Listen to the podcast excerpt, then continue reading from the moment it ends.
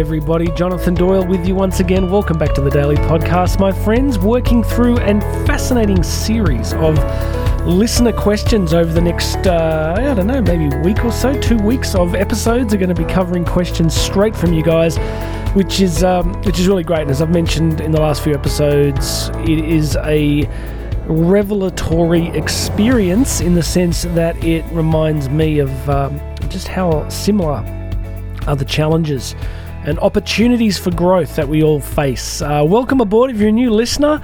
I know many of you have been on the journey with me for a long time, so thank you so much for your faithfulness and loyalty. I get to meet, um, you know, so many of you being back on the speaking circuit again. So uh, if I haven't met you in person, hopefully I'll get to an event soon and uh, and we'll get to meet up. But thanks to everybody, new listeners, please make sure you've subscribed. Hit that subscribe button, and for everybody, please go and check out the show notes. All the links are there. Uh, you can get a free copy of my book. You can book me to speak. You can book me for coaching. You can check out Karen's masterclass for women. So uh, if you happen to be a woman go and check out that link to Karen's masterclass. She uh, works with women around, all around the world. It's a great program, so go check that out today. We are responding to a listener question, as I have mentioned, and we are dealing with a topic that is arguably the most popular topic, sadly, in uh, in podcast my podcast sort of history because I look at some of the diagnostics and we've covered this a few well, maybe a month or two ago, and it was very popular and on YouTube as well. It was um, it was really popular and it's really getting back to the topic of toxic people. And the listener question was they said to me, uh, "How do I deal with people who want to bring you down, fill you with fear?" And blame you for being the aggressor. You'd be so proud of me, everybody. I just thought of, uh, you know, those of you that know the show well know that I have strong libertarian leanings, and I felt that that question was describing a lot of our current political social experience, but I'm going to restrain myself from going down that rabbit hole. But we're talking about toxic people, the kind of people who enjoy bringing us down, being negative, being critical, using fear. And then, of course, blame you for being the aggressor, which I guess is the concept of gaslighting which uh, is, if you're not familiar with it, is kind of convincing somebody that they did or said something that they genuinely didn't do and messing with their mind so that they begin to wonder whether they did it or not. And tragically, gaslighting has led to some absolutely awful outcomes, people making tragic decisions about their own lives based on being uh, gaslit.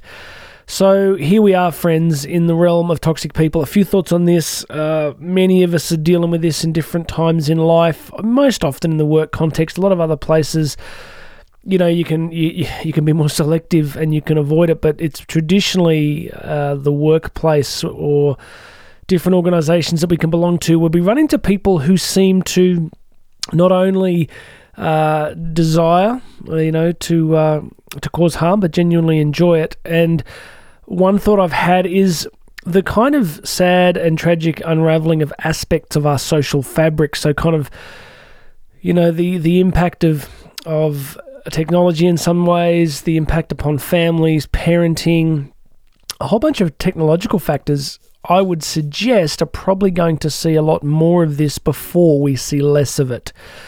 You know, the kind of cohesion, the social cohesion, the bonds of relationships and social belonging that have marked our species since uh, we emerged as Homo sapiens sapiens about 350,000 years ago.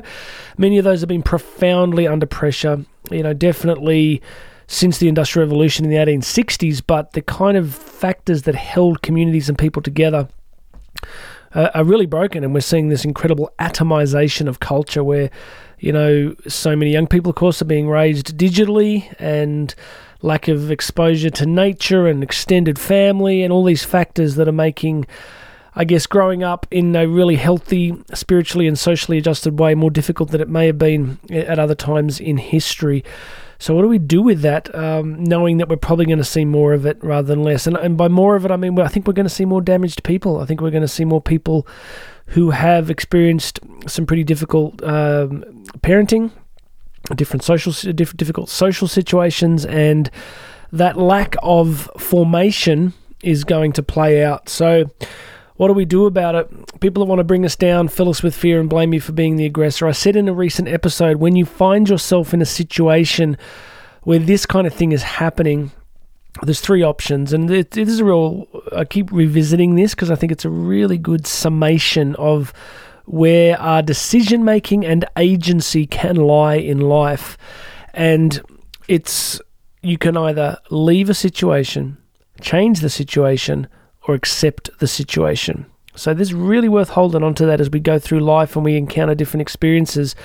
So you're in a workplace, you're somewhere with somebody who is um you know is, is really ticking that box for toxic behavior.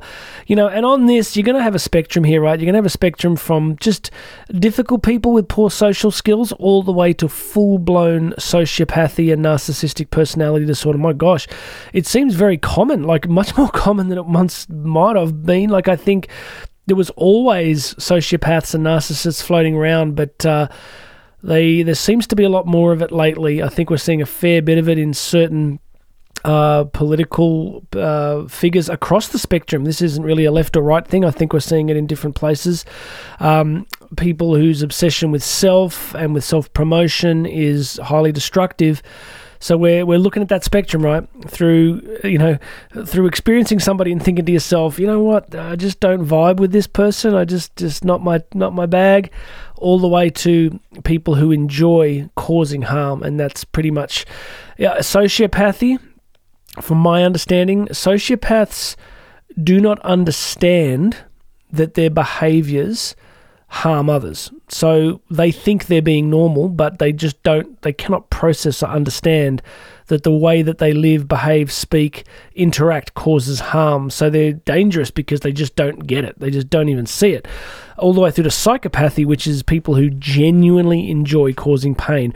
Um, hopefully none of us you know regularly encounter somebody in that category but we we definitely encounter people somewhere from slightly annoying to narcissistic personality disorder. So here's our options we leave it, we accept it, or we change it.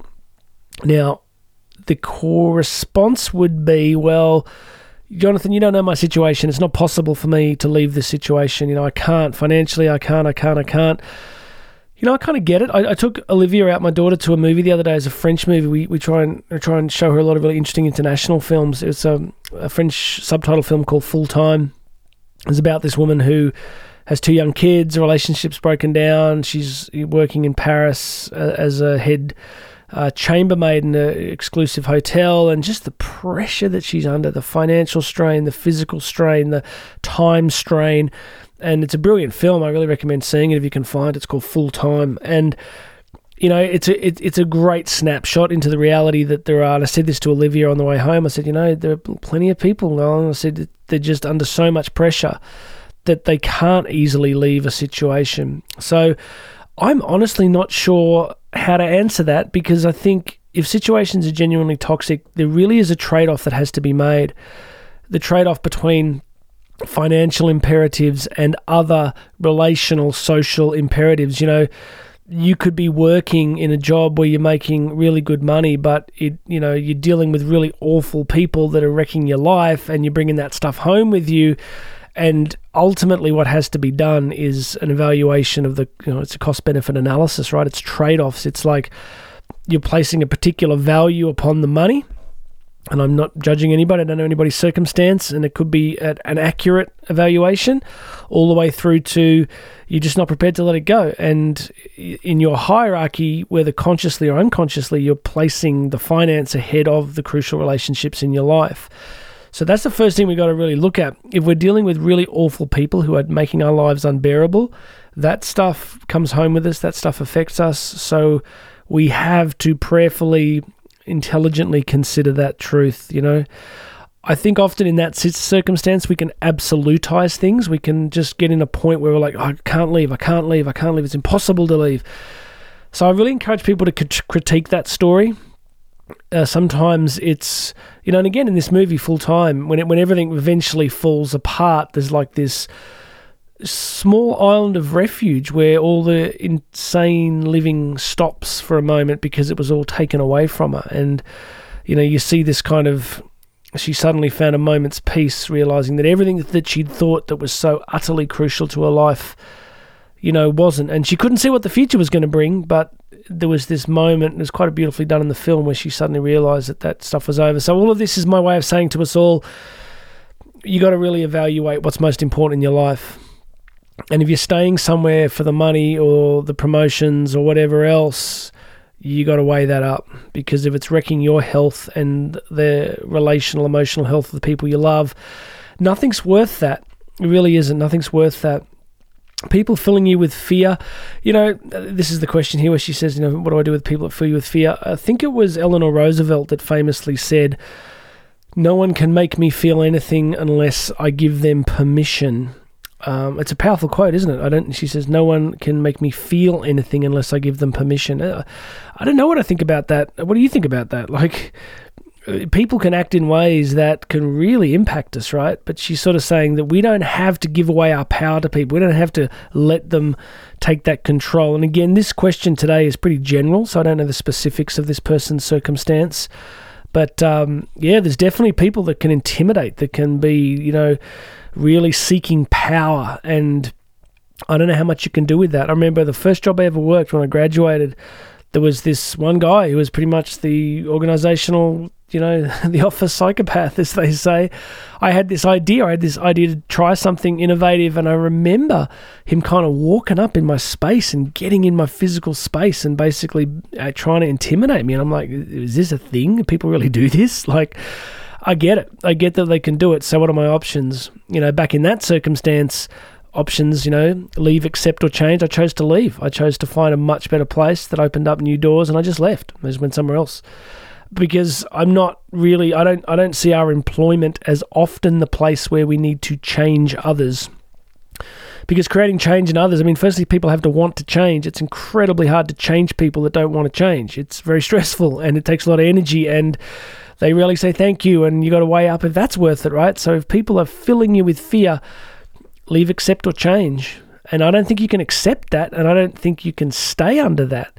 So I think if people are emotionally, psychologically, spiritually, or physically intimidating you and driving fear into you, you have to be somewhere else. So I would say you would need my my my sense is that you would need to leave that situation. Uh, and again, I, I don't know the specifics here, so just take that for what it's worth. And the gaslighting, where they say blame you for being the aggressor, that is that's basically psychological harm, right? Like it's you can't walk into a workplace and just physically hit somebody. You get fired and possibly arrested. But you know, to gaslight somebody, to to treat them terribly, and then turn it around and say that they're treating, you know, that, that you're treating them terribly. That's that's psychological damage.